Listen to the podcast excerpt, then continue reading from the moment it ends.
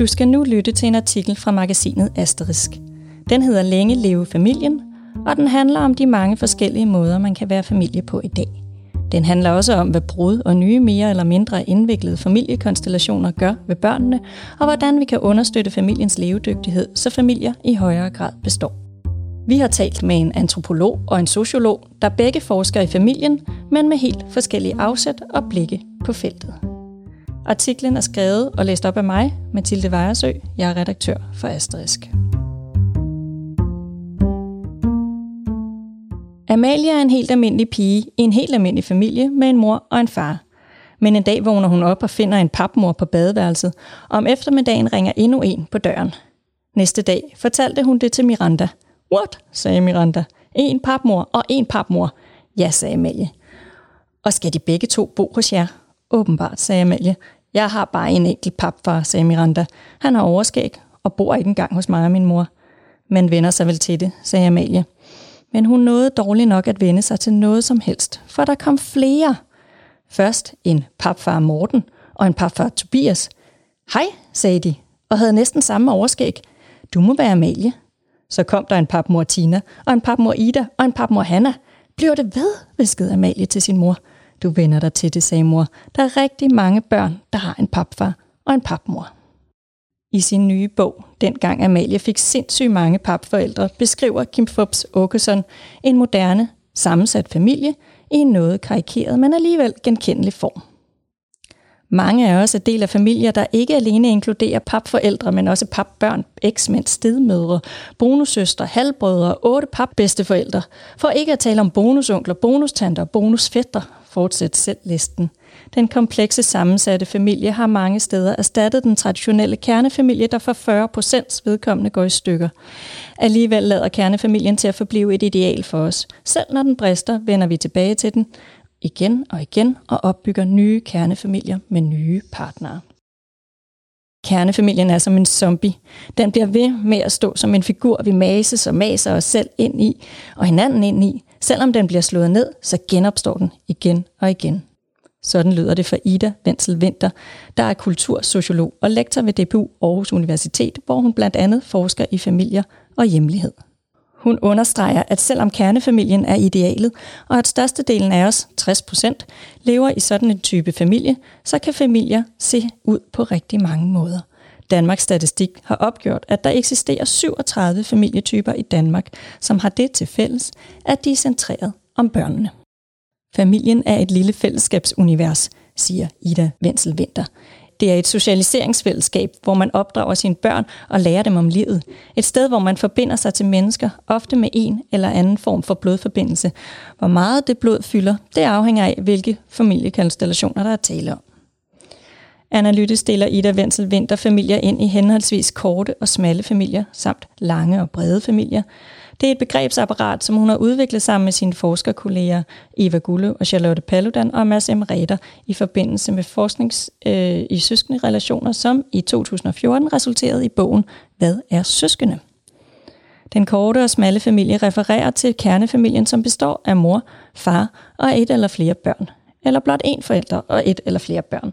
Den lange og brede familie opstår, hvis mor og far går fra hinanden og danner nye familier med nye partnere, der også har børn fra tidligere forhold.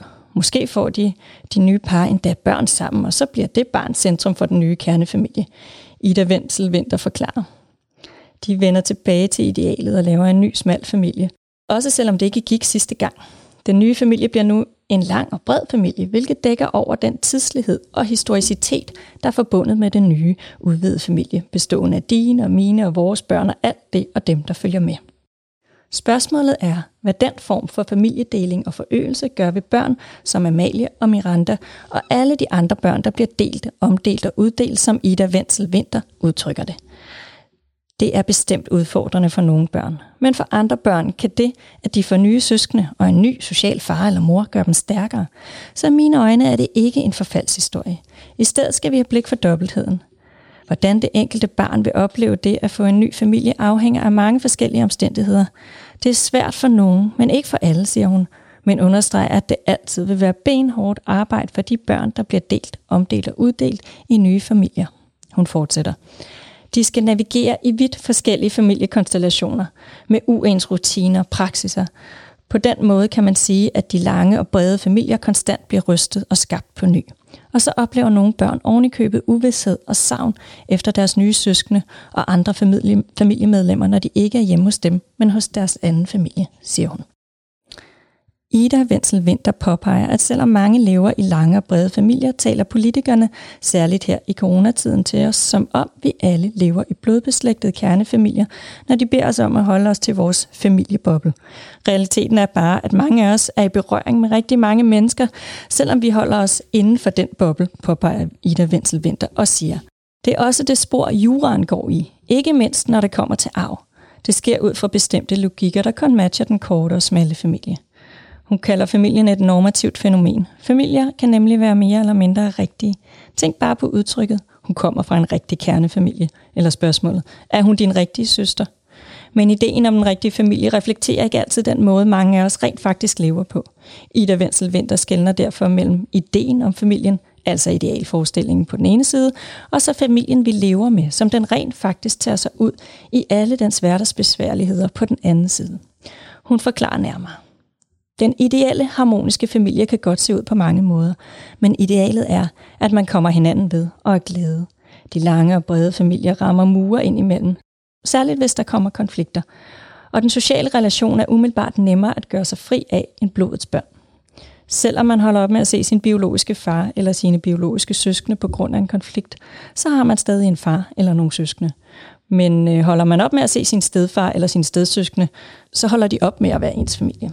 Martin Munk, der er professor i pædagogisk sociologi ved DPU Aarhus Universitet, er optaget af, hvilke forhold, der skaber levedygtige familier. Levedygtigheden er tæt knyttet til videreførelsen af familien og den sociale mobilitet, det vil sige, hvor godt børnene klarer sig gennem livet. Får de en kvalificerende uddannelse, et arbejde, der leder til selvforsørgelse, og formår de at skabe en stabil familie. Martin Munk har gennem de sidste år sidste par år øh, gennemført kvantitative undersøgelser, der afdækker, hvilke faktorer, der henholdsvis understøtter og modarbejder social mobilitet. I det regnestykke tæller det, om mor og far bor sammen. Derudover har det betydning, i hvilken grad forældrene er tilknyttet arbejdsmarkedet. Jo mere løst tilknyttet forældrene er til arbejdsmarkedet, jo mere ustabilitet hersker der i hjemmet. Overraskende nok spiller forældrenes uddannelsesniveau ifølge Martin Munks undersøgelser i dag en mindre rolle i forhold til den sociale mobilitet. Han siger, vi kan se i vores studier af den faldende sociale mobilitet, at middelklassens børns livschancer i dag er ringere end deres forældres. Det lader ikke længere til at være uddannelse, der er den afgørende faktor. Derfor forsøger vi at analysere sociale forhold, som har konkrete betydninger for mange middelklasseliv i dag. Eksempelvis i mere uddannelsestunge hjem, hvor børn og unge i stigende grad oplever at vokse op i brudte familier, samtidig med at vi har et arbejdsmarked, som bliver mere og mere opdelt og utrygt. Han giver to eksempler på børneliv, der ved en sammenligning i hans analyseapparat får vidt forskellige udfald, fordi stabiliteten i børnenes liv varierer betydeligt. Der er forskel på, om man som barn vokser op sammen med sine veluddannede forældre i en intakt familie, eller om det hele er lidt kaotisk. Ens forældre er skilt, og man bor med sin mor, som er løst tilknyttet arbejdsmarkedet. Moren og barnet bor lidt med en mand, og så med en ny mand, og så med en tredje. Det giver ikke gode resultater, siger Martin Munk. Et barn fra en højt uddannet familie, hvor forældrene er sammen, vil alt andet lige klare sig bedre end skilsmissebørn fra to højt uddannede, af to højt uddannede forældre, siger han og tilføjer. Børn er ret konservative. De vil have et familieliv, der er stabilt og trygt, og de vil have rutiner i hverdagen. Traditionelt set har der været fokus på forældrenes uddannelsesmæssige og sociale baggrund i forhold til børnenes livschancer. De er også vigtige, understreger Martin Munk, men familiens stabilitet, bor mor og far sammen, er de begge i job, hersker der generelt ro og omsorg og forventninger i familien. De forhold er mere og afgørende for social mobilitet end uddannelse og indkomstniveau i sig selv, mener Martin Munk. Han siger, Børn, der vokser op i stabile familier, har en højere grad af tillid til deres nærmeste, og den tillid vil de tage med sig videre i livet, når de knytter relationer, for eksempel i venskaber og parforhold. Omvendt, hvis ikke de kan regne med deres forældre, og deres opvækst har været præget af brud, så kommer der skår i tilliden til andre mennesker. Måske også til dem selv, siger Martin Munk og fortsætter. Børn fra økonomisk privilegeret hjem klarer sig måske godt i skolen, på trods af svigt og brud i hjemmet. De vokser op og får gode eksamener på statskundskab på Københavns Universitet, men så har de måske andre udfordringer, for eksempel med alkohol eller med at indgå i tætte relationer. Vi har troet, at hvis bare børn har kulturel kapital med hjemmefra, så kender de koderne i skolen og vil automatisk klare sig godt. Men det er ikke den vigtigste komponent i forhold til, hvordan man klarer sig gennem livet. Det er familiens sociale kapital herunder stabilitet, der er afgørende. Punktum. Når brudte og sammensatte familier snart er lige så almindelige som den klassiske kernefamilie, så har det med den stigende individualisering at gøre, pointerer Martin Munk. Det handler om individets frisættelse. Men den tilsyneladende positive udvikling har også en bagside. Den har nemlig skubbet til en udvikling, der opløser familiestrukturerne, problematiserer Martin Munk og uddyber. Individet er blevet sat fri, og dermed i princippet også fri til at bryde ud af familien og leve i mere løse familiestrukturer. Men friheden har en pris, og det er børnene, der betaler den pris. Ida Wenzel Winter vil ikke entydigt konkludere, hvilken familieform, der er bedst for børn. For både familier og børn er meget forskellige, som hun siger. Ligesom Martin Munk bruger hun et, et lidt karikeret eksempel med den velbemidlede familie versus en mere flagrende enlig mor, når hun illustrerer sin pointe om, at børn nogle gange veksler mellem og indgår i meget forskellige miljøer, og det ikke er så lige til at vurdere, hvilken familieform, der fungerer bedst for det enkelte barn. Er det at bo hos sin velhavende direktørfar, der har dannet en ny, stabil kernefamilie i Nordsjælland? Eller er det, er det at bo med sin flagrende, men kærlige kunstnermor på Vesterbro, hvor der har været svingdør, som hun udtrykker det. For Ida Wenzel Vinter er det ikke givet, at faren i dette eksempel repræsenterer mest stabilitet for barnet. Hun siger, Måske består morens stabilitet i at være utrolig kærlig og omsorgsfuld over for sit barn, og altid være der for det. Måske øh, har faren travlt med sin karriere og nye familie, at hans opmærksomhed ikke rækker til barnet også. Hun understreger, at hun hverken dømmer den ene eller den anden type familie. Folk må gøre, som de vil, siger hun.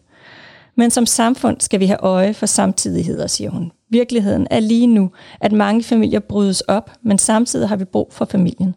Hvis vi har et ønske om, at familien skal bestå samtidig med, at vi har mange sammensatte familier, så må vi fastholde, at der er en vifte af muligheder og mulige måder at være familie på. Børn lever i forskellige familier, og de ryger frem og tilbage mellem forskellige familietyper. Derfor skal det også være en af de fortællinger, de møder i skolen og i statsministerens taler, når hun for eksempel taler til os på sine pressemøder. Martin Munk vil ikke umiddelbart acceptere den derute, som mange, mange moderne børnefamilier i hans optik er på.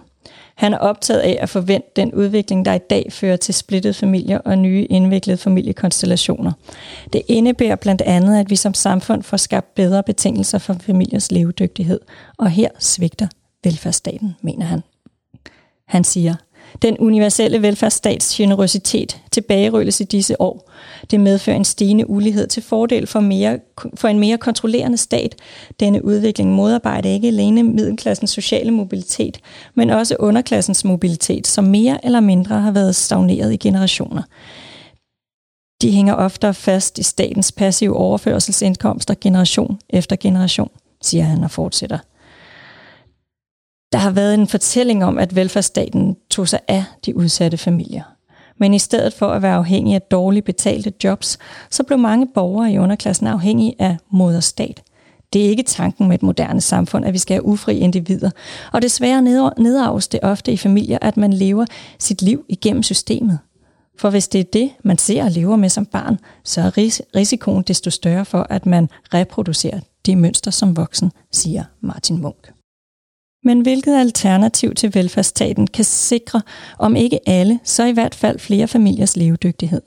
Martin Munks svar er etablering af et, e- er ikke et, men flere stærke og selvbestemmende lokalsamfund, der i population svarer til mellemstore kommuner.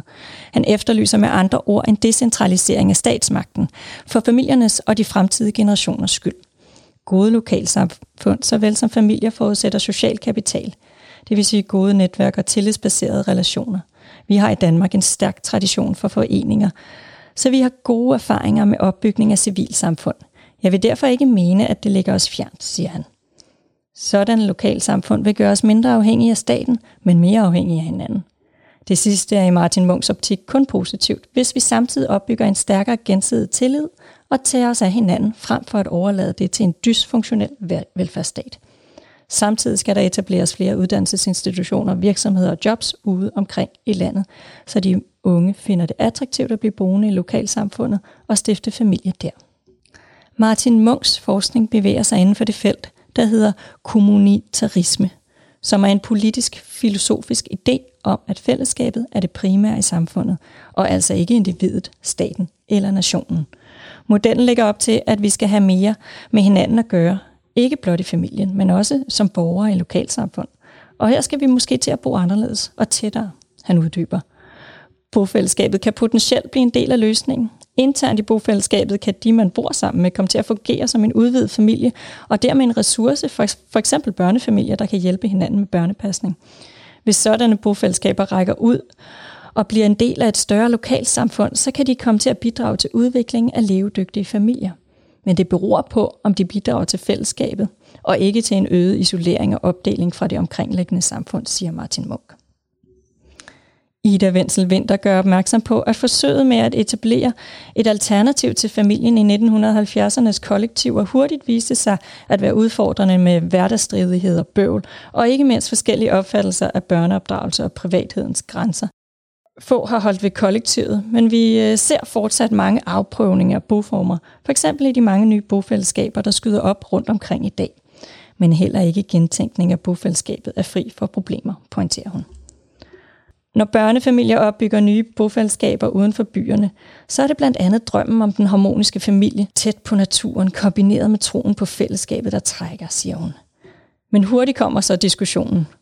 Hvis I ikke vil være med til fællesspisning, hvorfor bor I her så? Spørgsmålet om, hvor lidt og hvor meget man skal være del af fællesskabet, og hvor meget familien må være sig selv, presser sig på. For hvor går grænsen mellem fællesskabet og familien? Det har folk ofte forskellige meninger om.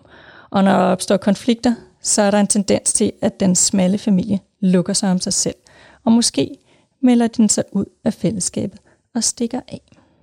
Det var øh, slutningen på artiklen, men der er nogle faktabokse.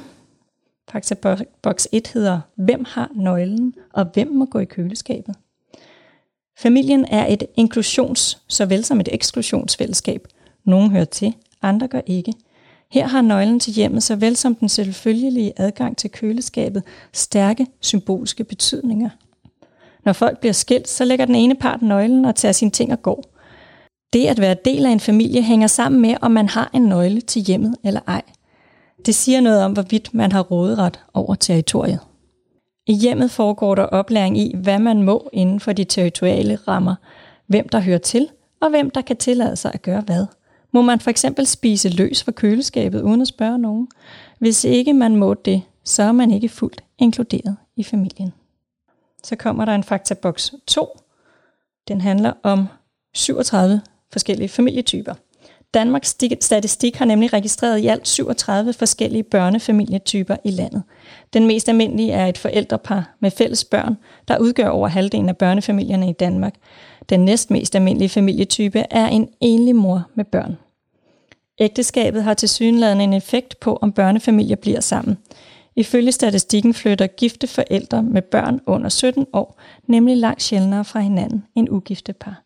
Faktisk flytter mere end dobbelt så stor en andel af ugifte par med fælles børn fra hinanden i forhold til gifte par.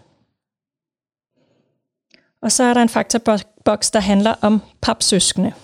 I 1980 boede 82 procent af de hjemmeboende 16-årige sammen med både mor og far, mens det kun er 61 procent i dag.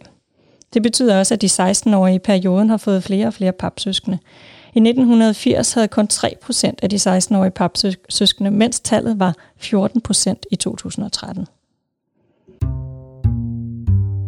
Hvis du vil fordybe dig mere i emnet, så er der i tekstversionen af denne artikel links til en række af Martin Munks artikler og til en artikel fra Ida Wenzel Winter.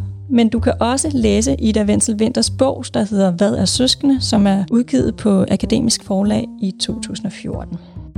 Og sådan lød min artikel om den moderne familie.